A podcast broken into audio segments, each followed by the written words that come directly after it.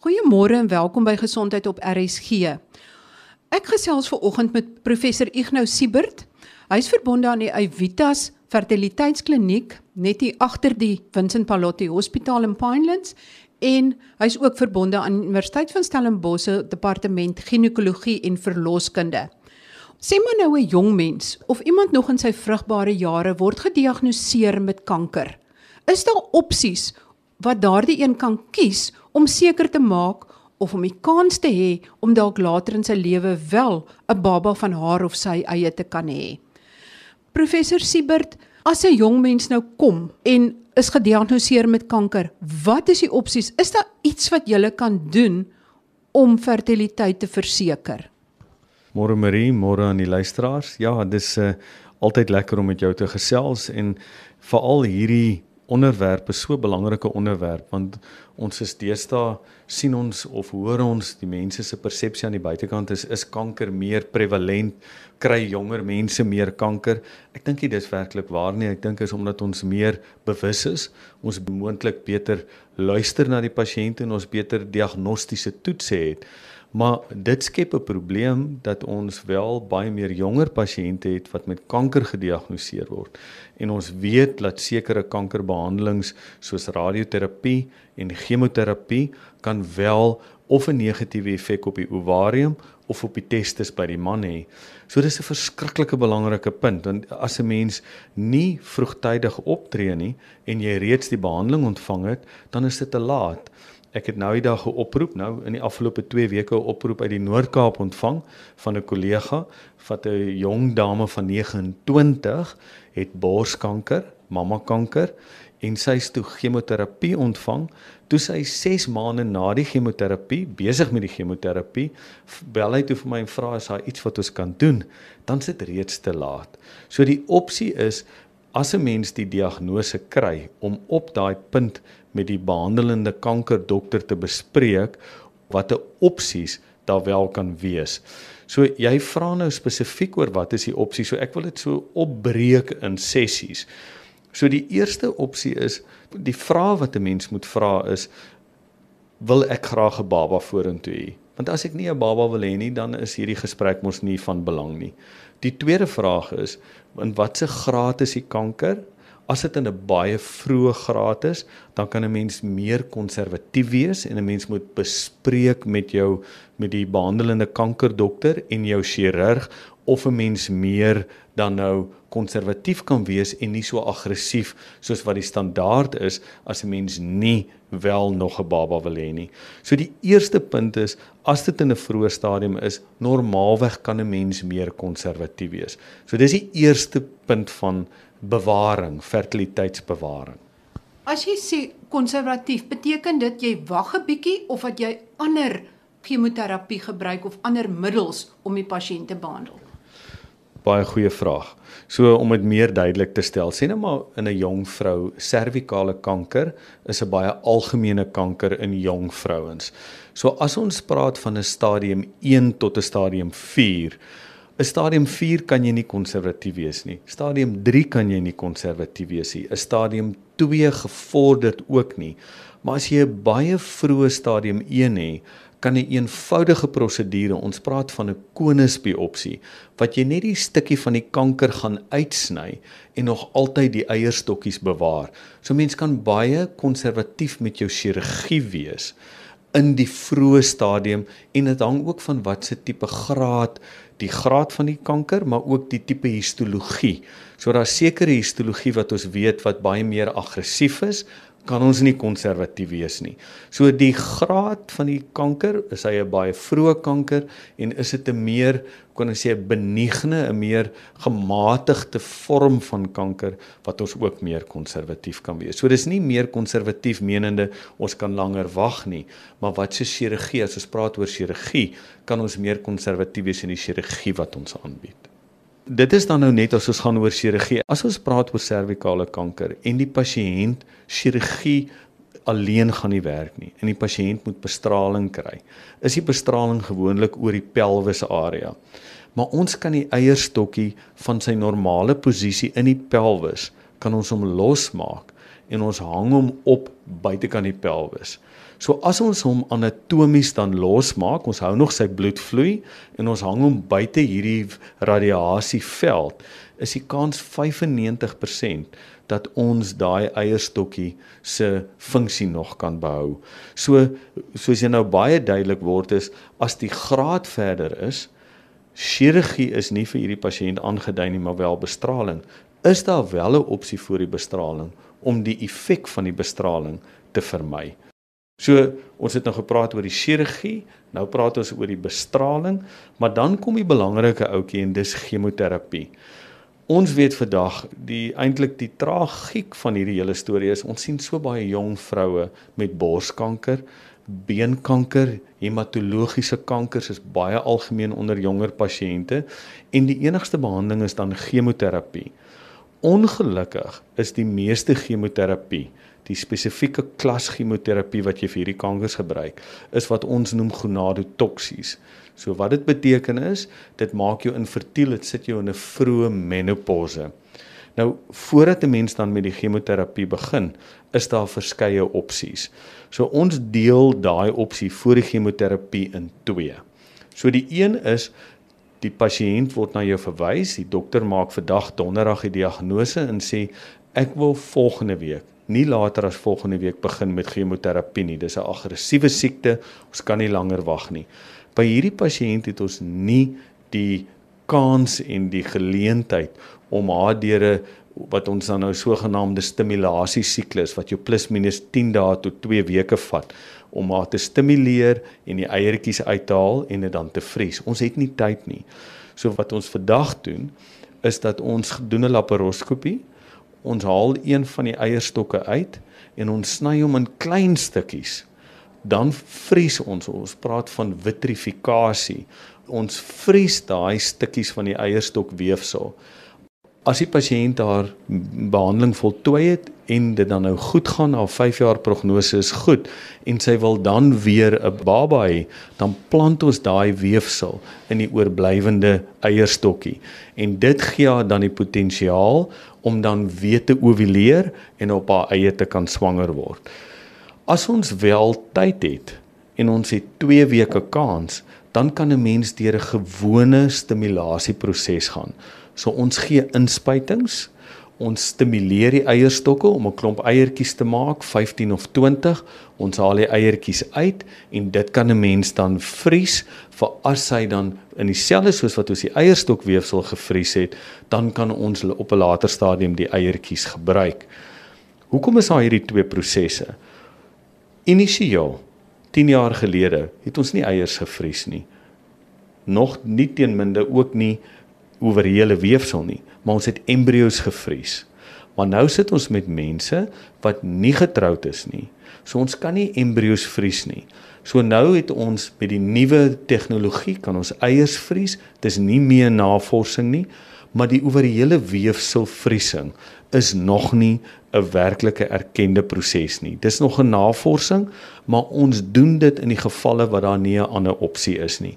Was ons dit met die pasiënt verduidelik om te sê ons het nog nie goeie data soos wat ons met die eiertjies het en soos wat ons histories met die embrio's het nie, maar wel kan ons hierdie weefsel vries in jou geval want jy het nie 'n ander opsie nie. So ons gee vir die pasiënt daai hoop om wel eendag haar eiertjie te kan hê.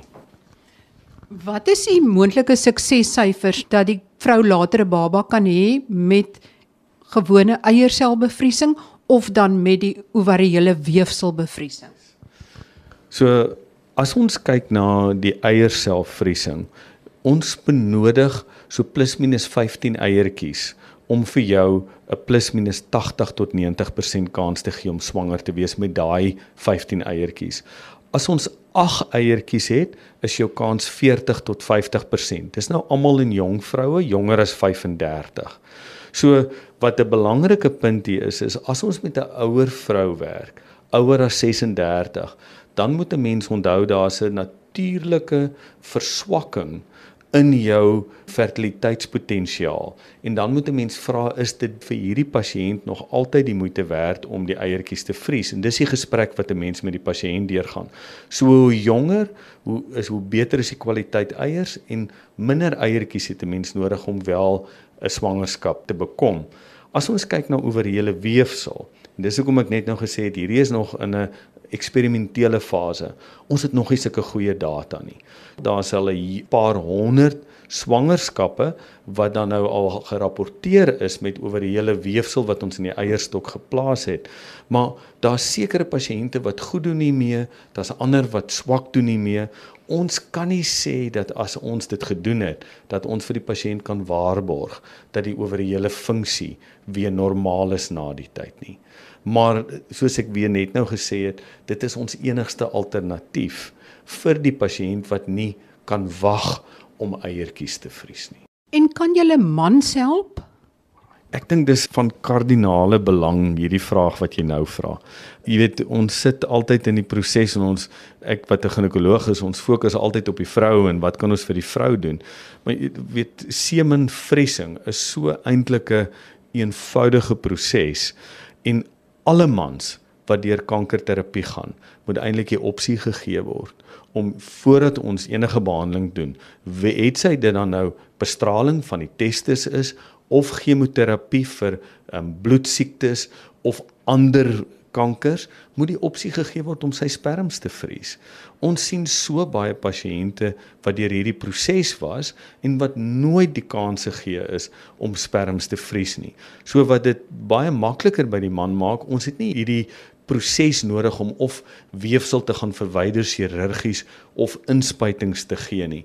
So dis 'n baie minder ingrypende prosedure en eintlik vir enige blaas of uretra chirurgie moet 'n man sy sperm vries want ons sien baie keer dat as man se blaasprosedure gehad het of 'n prostaatprosedure dat die blaaspypie seer gemaak word en dan met ejakulasie kan die semen nie meer uitkom nie maar dit gaan terug binne in die blaas in so eintlik voor enige blaas prostaat of blaaspyp chirurgie moet 'n mens die sperm kan vries. Dis uh, eintlik 'n kostelose proses en dit skep vir hulle die die potensiaal om dan vorentoe nog altyd met hulle eie sperm te kan swanger word met 'n eenvoudige proses soos 'n inseminasie. Professor Siebert, het julle al pasiënte gehad wat met kanker gediagnoseer is en toe later 'n baba gehad het? Ongelukkig nog nie, Marie. So ons is nou so al 6 jaar besig En die meeste van hierdie jong pasiënte is ongetroud soos ek in die begin gesê het. So ons vries eiertjies. As ons praat oor die getroude pasiënte, dan wil ons altyd graag 'n 5 jaar periode hê wat die pasiënt kankervry is en die onkoloog verkies dit ook so dat ons ons 5 jaar prognose kan bepaal. So ons is nou in die proses met 3 egpare wat nou deur hierdie 5 jaar periode is en waar ons nou hierdie eiertjies kan gebruik. Wat ek wel kan sê is dat ons in baie pasiënte met sosiale vriesing, soos vrouens wat op 35 nog nie 'n man het nie en hulle wil hulle eiertjies vries om hulle fertiliteit te bewaar. Ons het baie van hulle wat met hulle eie eiertjies swanger geword het. Dis dieselfde beginsel, dis dieselfde proses. So 'n mens kan die, hierdie data ekstrapoleer na die jong pasiënt met kanker. Professor Siebert, dink jy dat die pasiënte daar buite weet van hierdie opsies dat 'n vrou eintlik haar eierselletjies of haar ovariële weefsel kan vries of weet die mans altyd dat hulle hulle spermselle kan bewaar of eintlik moet bewaar as hulle nog jonk is en wil kinders hê voordat hulle kankerbehandeling kry. Marie, dis 'n baie interessante punt wat jy maak. Uh, hulle het in Amerika laas jaar het hulle 'n uh, vraelys gestuur aan pasiënte wat deur kankerbehandeling gegaan het. En plus minus 50% van die pasiënte is nie die opsie aangebied nie, maar het inligting ontvang oor die proses en minder as 10% het éventueel 'n opsie gekies wat aan hulle voorgedra is. En die rede daar agter is is dat ons as uh, klinisie spandeer nie regtig tyd met ons pasiënte om vir hulle die opsies aan te bied nie.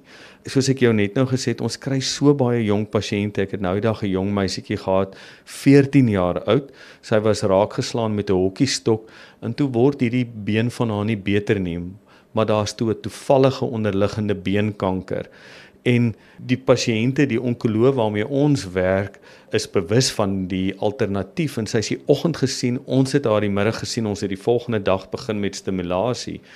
En dit is iemand wat dan die korrekte inligting gekry het. Maar dit bly 'n traumatiese proses want jy sit met iemand wat nou hierdie massiewe slegte inligting gekry het oor ek het kanker, ek is 14 jaar oud en nou moet ek besluit wil ek my eiertjies vries vir vorentoe om 'n kind te hê. So ek dink daar's 'n tweeledige punt aan die een kant is ons dokters nie regtig ingestel daarop om vir die pasiënt die die opsies te gee nie, maar aan die ander kant is 'n ou so eintlik oordonder met hierdie negatiewe ehm um, nuus wat jy gekry het dat daar niks anderste is wat op daai stadium vir jou saak maak nie en 'n ou wil net deur hierdie initiële fase gaan.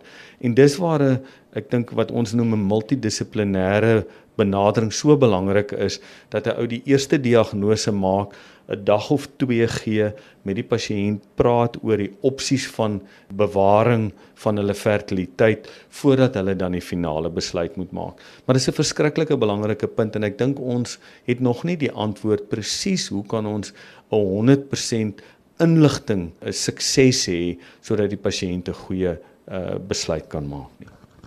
As jy jou boodskap in 'n neutedop moet opsom, basies soos 'n wegneem boodskap, wat as hulle net hierdie sin onthou, wat sal dit wees?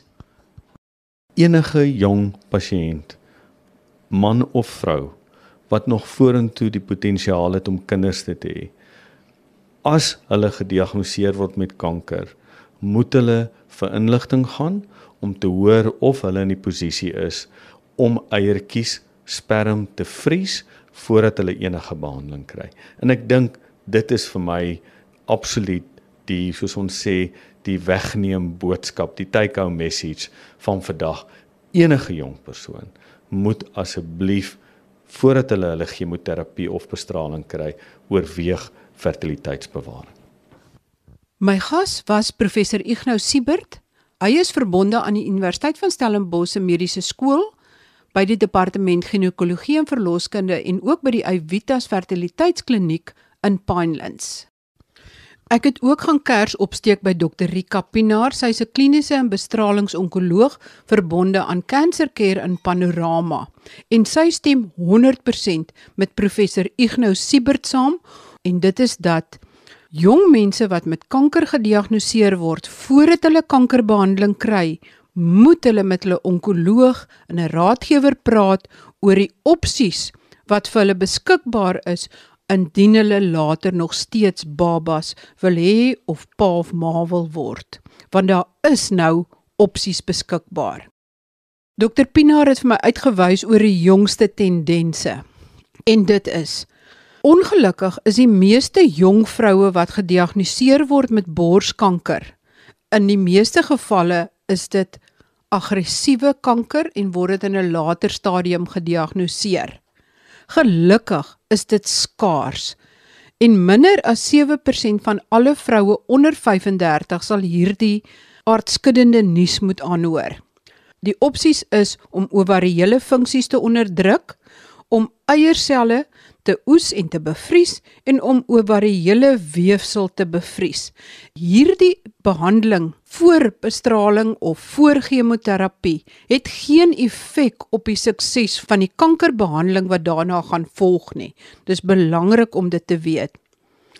Dr Rika Pinaar het ook gesê dit maak nie verskil om 2 weke te wag nie. Dit gaan geen verskil maak aan die uitkoms van jou kankerbehandeling hoe suksesvol dit is as jy 2 weke wag om eers hierdie kwessies te bespreek en te hanteer nie. Maar voordat jou chemoterapie begin, moet jy dink aan jou fertiliteit. Want chemoterapie verouder jou eierselle met sowat 10 jaar en in 15% van gevalle kan die vroue in 'n vroeë menopause ingaan. en dan raak dit al hoe moeiliker om swanger te raak. Voorheen wou onkoloë nie praat oor swangerskap na borskanker nie, want dokters het gereken dat 'n swangerskap jou kans dat die kanker kan herhaal vergroot. Maar studies het nou gewys dat swangerskap na 'n vroeë diagnose van borskanker en die behandeling van die kanker inderwaarheid die vrou se kans op oorlewing verhoog.